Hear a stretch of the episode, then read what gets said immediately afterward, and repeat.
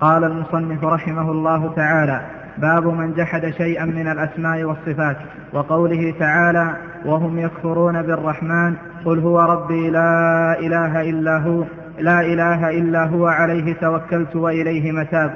وفي صحيح البخاري قال علي رضي الله عنه حدثوا الناس بما يعرفون أتريدون أن يكذب أن يكذب الله ورسوله؟ وروى عبد الرزاق عن معمر عن ابن طاووس عن أبيه عن ابن عباس رضي الله عنهما أنه رأى رجلا انتفض لما سمع حديثا عن النبي صلى الله عليه وسلم في الصفات استنكارا لذلك فقال ما فرق هؤلاء؟ يجدون رقة عند محكمه ويهلكون عند متشابهه. انتهى. ولما سمعت قريش رسول الله صلى الله عليه وسلم يذكر الرحمن أنكروا ذلك فأنزل الله فيهم وهم يكفرون بالرحمن.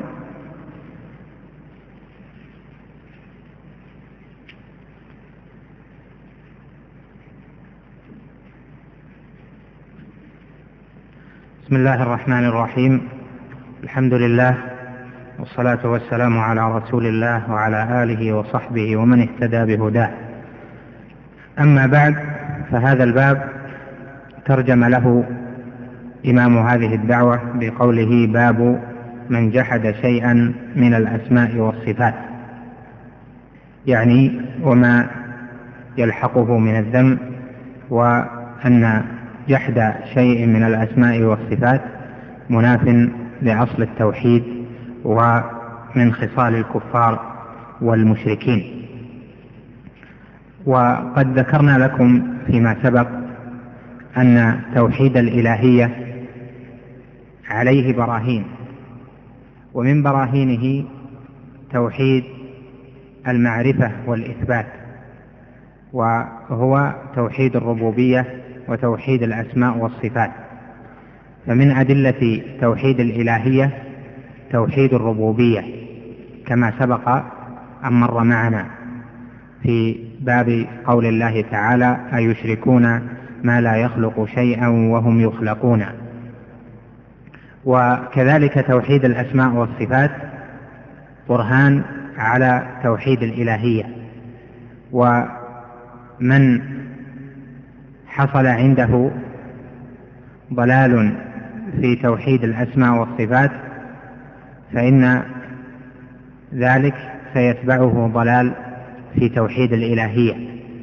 ولهذا تجد أن المبتدعة الذين ألحدوا في أسماء الله وفي صفاته من هذه الأمة من الجهمية والمعتزلة والرافضة والأشاعرة والماتريدية ونحو هؤلاء تجد أنهم لما انحرفوا في باب توحيد الأسماء والصفات لم يعلموا حقيقة معنى توحيد الإلهية ففسروا الإله بغير معناه وفسروا لا إله إلا الله بغير معناها الذي دلت عليه اللغة ودل عليه الشرع وكذلك لم يعلموا متعلقات الأسماء والصفات وآثار الأسماء والصفات في ملك الله جل وعلا وسلطانه. لهذا عقد الشيخ رحمه الله هذا الباب لأجل أن يبين لك أن تعظيم الأسماء والصفات من كمال التوحيد وأن جحد الأسماء والصفات مناف لأصل التوحيد فالذي يجحد اسما سمى الله به نفسه أو سماه به رسوله صلى الله عليه وسلم وثبت ذلك عنه وتيقنه فإنه يكون كافرا بالله جل وعلا كما قال سبحانه عن المشركين وهم يكفرون بالرحمن والواجب على العباد على أهل هذه الملة أن يؤمنوا بتوحيد الله جل وعلا في أسمائه وصفاته. ومعنى الإيمان بالتوحيد هذا يعني بتوحيد الله في أسمائه وصفاته أن يتيقن ويؤمن بأن الله جل وعلا ليس له مثيل في أسمائه وليس له مثيل في صفاته كما قال جل وعلا ليس كمثله شيء وهو السميع البصير. فنفى وأثبت فنفى أن يماثل الله شيء جل وعلا وأثبت له صفتي السمع والبصر. قال العلماء قدم النفي قبل الإثبات على القاعدة العربية المعروفة أن التخلية تسبق التحلية حتى يتخلى القلب من كل براثن التمثيل ومن كل ما كان يعتقده المشركون الجاهلون من تشبيه الله بخلقه أو تشبيه خلق الله به. فإذا خلا القلب من كل ذلك من براثن التشبيه والتمثيل أثبت ما يستحقه الله جل وعلا من الصفات. فأثبت هنا صفتين وهما السمع والبصر وسبب ذكر السمع والبصر هنا في مقام الإثبات دون ذكر غير السمع والبصر من الصفات أو دون ذكر غير اسم السميع والبصير من الأسماء لأن صفتي السمع والبصر مشتركة بين أكثر المخلوقات الحية. وجل المخلوقات الحية التي حياتها بالروح بالنفس وليست حياتها بالنماء فإن السمع والبصر موجود فيها جميعا فالإنسان له سمع وبصر وسائر أصناف الحيوانات كل له سمع وبصر الذباب له سمع وبصر يناسبه والبعير له سمع وبصر يناسبه وسائر الطيور والسمك في الماء والدواب الصغيرة والحشرات كل له سمع وبصر يناسبه. ومن المتقرر عند كل عاقل أن سمع هذه الحيوانات ليس متماثلا وأن بصرها ليس متماثلا وأن سمع الحيوان ليس مماثلا لسمع الإنسان. فسمع الإنسان ربما كان أبلغ وأعظم من سمع كثير من الحيوانات وكذلك البصر. فإذا كان كذلك كان اشتراك المخلوقات التي لها سمع وبصر. في السمع والبصر اشتراك في أصل المعنى ولكل سمع وبصر بما قدر له وما يناسب ذاته. فإذا كان كذلك ولم يكن وجود السمع والبصر في الحيوان وفي الإنسان مقتضيا لتشبيه الحيوان بالإنسان فكذلك إثبات السمع والبصر للملك الحي القيوم ليس على وجه المماثلة للسمع والبصر في الإنسان أو في المخلوقات. فلله جل وعلا سمع وبصر يليق به كما أن للمخلوق سمع وبصر يليق بذاته الحقيرة الوضيعة. فسمع الله كامل مطلق من جميع الوجوه لا يعتريه نقص وبصره كذلك واسم الله السميع هو الذي استغرق كل الكمال في صفة السمع وكذلك اسم الله البصير هو الذي استغرق كل الكمال في صفة البصر. فدل ذلك على أن النفي مقدم على الإثبات والنفي يكون مجملا والإثبات يكون مفصلا. فالواجب على العباد أن يعلموا أن الله جل جلاله متصف بالأسماء الحسنى وبالصفات العلى وألا يجحدوا شيئا من أسمائه وصفاته. ومن جحد شيئا من أسماء الله وصفاته فهو كافر لأن ذلك صنيع الكفار والمشركين. والإيمان بالأسماء والصفات يقوي اليقين بالله وهو سبب لمعرفة الله والعلم به. بل إن العلم بالله ومعرفة الله جل وعلا تكون بمعرفة أسمائه وصفاته وبمعرفة آثار الأسماء والصفات في ملكوت الله جل وعلا وهذا باب عظيم ربما يأتي له زيادة إيضاح عند باب قول الله تعالى ولله الأسماء الحسنى فادعوه بها. إذا تلخص هنا أن قوله باب من جحد شيئا من الأسماء والصفات صلة ذلك بكتاب التوحيد من جهتين الجهة الأولى أن من براهين توحيد العبادة توحيد الأسماء والصفات والثانية أن جحد شيء من الأسماء والصفات شرك وكفر مخرج من الملة إذا ثبت الاسم أو ثبتت الصفة وعلم أن الله جل وعلا أثبتها لنفسه وأثبتها له رسوله صلى الله عليه وسلم ثم جحدها أصلا يعني نفاها أصلا فإن هذا كفر لأنه تكذيب بالكتاب وبالسنة. قال وقول الله تعالى وهم يكفرون بالرحمن. الآية. الرحمن من أسماء الله جل وعلا والمشركون والكفار في مكة قالوا لا نعلم الرحمن إلا رحمن اليمامة فكفروا باسم الله الرحمن وهذا كفر بنفسه. ولهذا قال جل وعلا وهم يكفرون بالرحمن يعني باسم الله الرحمن. وهذا وهذا اسم من أسماء الله الحسنى وهو مشتمل على صفة الرحمة لأن الرحمن مشتق أو فيه صفة الرحمة ومبني على وجه المبالغة. فالرحمن أبلغ في اشتماله على صفة الرحمة من اسم الرحيم.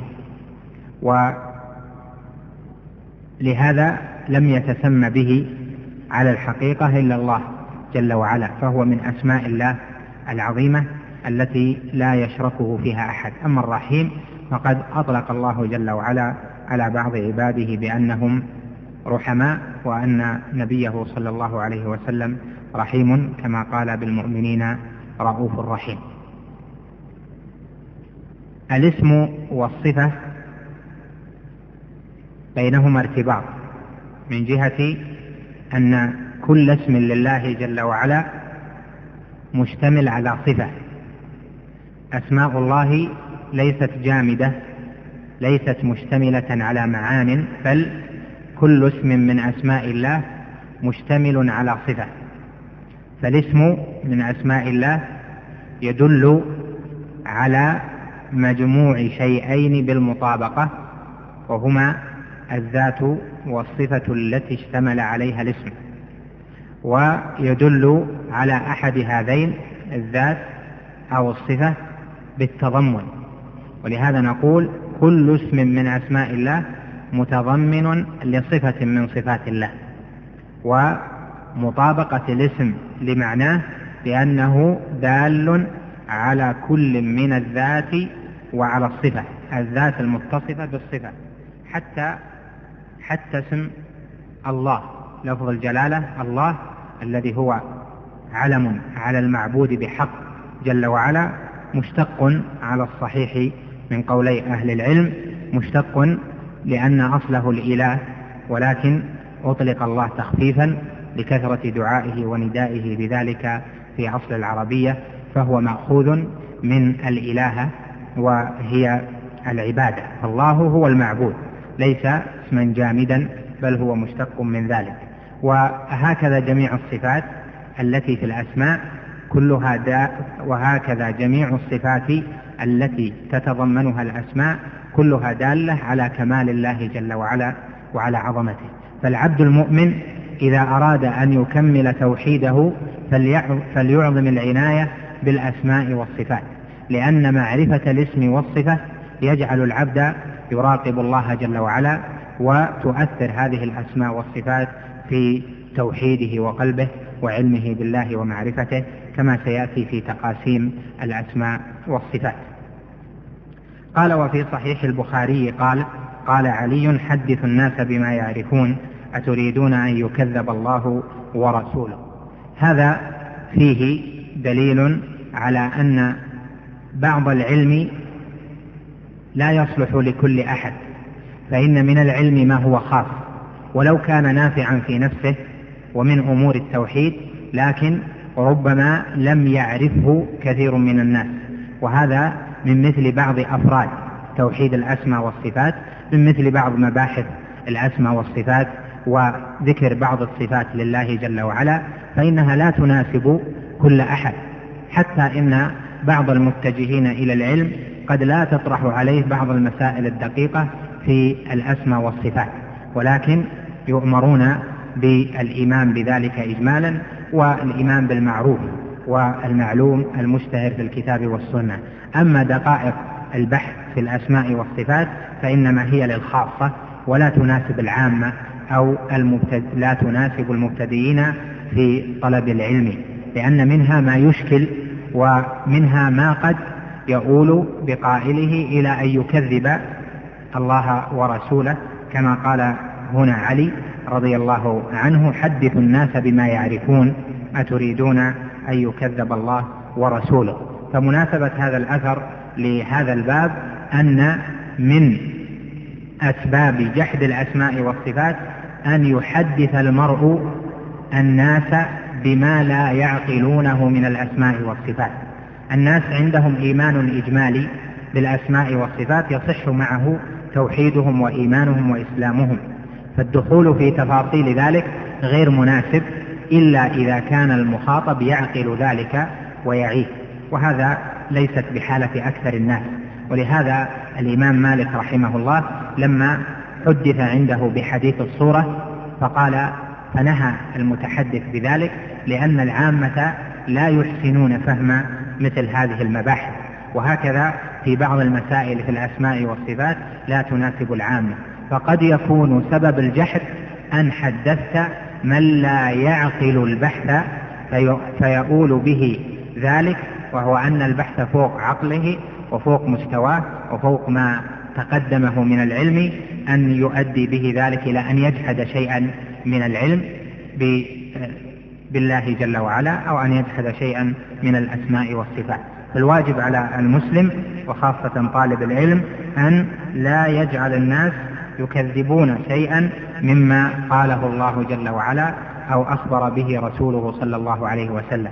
ووسيلة ذلك التكذيب أن يحدث الناس بما لا يعرفون. يحدث الناس بحديث لا تبلغه عقولهم كما جاء في الحديث الآخر ما أنت بمحدث قوما حديثا لا تبلغه عقولهم إلا كان لبعضهم فتنة. وقد بوب على ذلك البخاري في الصحيح في كتاب العلم بقوله باب من ترك بعض الاختيار مخافة أن يقصر فهم بعض الناس عنه فيقعوا في أشد منه. وهذا من الأمر المهم الذي ينبغي للمعلم وللمتحدث وللواعظ وللخطيب أن يعيه في أن يحدث الناس بما يعرفون وأن يجعل تقوية التوحيد وكمال إكمال توحيدهم والزيادة في إيمانهم بما يعرفون لا بما ينكرون. قال وروى عبد الرزاق عن معمر عن ابن عن ابن طاووس عن أبيه عن ابن عباس رضي الله عنهما أنه رأى رجلا انتفض لما سمع حديثا عن النبي صلى الله عليه وسلم في الصفات استنكارا لذلك فقال ما فرق هؤلاء؟ يجدون دقة عند محكمه ويهلكون عند متشابهه. هذا لما لم يعرف هذه الصفة انتفض لأنه فهم من هذه الصفة المماثلة أو التشبيه فخاف من تلك الصفة. والواجب على المسلم أنه إذا سمع صفة من صفات الله في كتاب الله أو في سنة النبي صلى الله عليه وسلم أن يجريها مجرى جميع الصفات وهو أن إثبات الصفات لله جل وعلا إثبات بلا تكييف إثبات بلا تمثيل. فإثباتنا للصفات على وجه تنزيه الله جل وعلا عن المثيل والنظير في صفاته وأسمائه. فله من كل اسم وصفة أعلى وأعظم ما يشتمل عليه من المعنى. ولهذا قال ابن عباس هنا ما فرط هؤلاء؟ يعني ما سبب خوف هؤلاء؟ لماذا فرقوا خافوا من هذه الصفة؟ ومن إثباتها يجدون رقة عند محكمه يعني إذا خوطبوا بالمحكم الذي يعرفون المحكم هو ما يعلم والذي يعلمه سامعه هذا هو المحكم. يجدون رقة عند محكمه يعني إذا خوطبوا بما يعلمونه وجدوا في قلوبهم رقة لذلك ويهلكون عند متشابه متشابهه. فإذا سمعوا في الكتاب أو السنة شيئا لا تعقله عقولهم هلكوا عنده وخافوا وفرقوا وأولوا ونفوا أو جحدوا. وهذا من أسباب الضلال.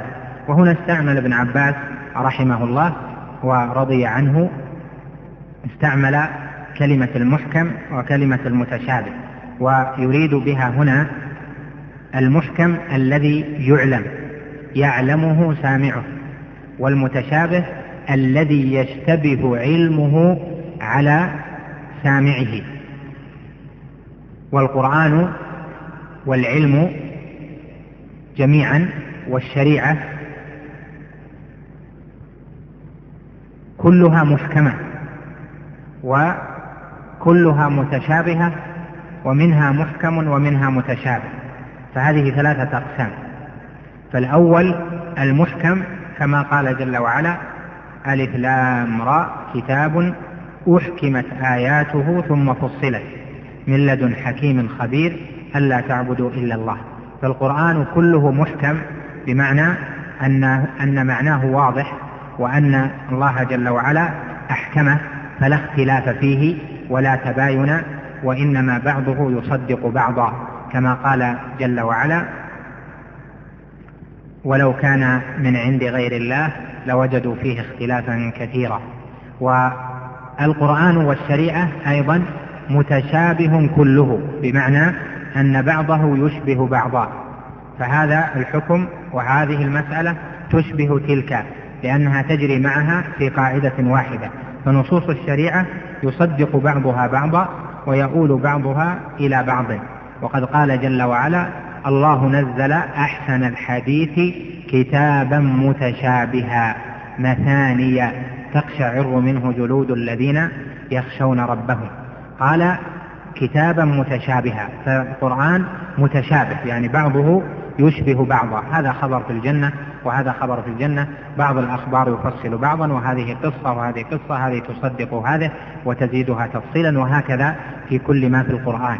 والقرآن أيضا والشريعة والعلم منه محكم ومنه متشابه باعتبار ثالث.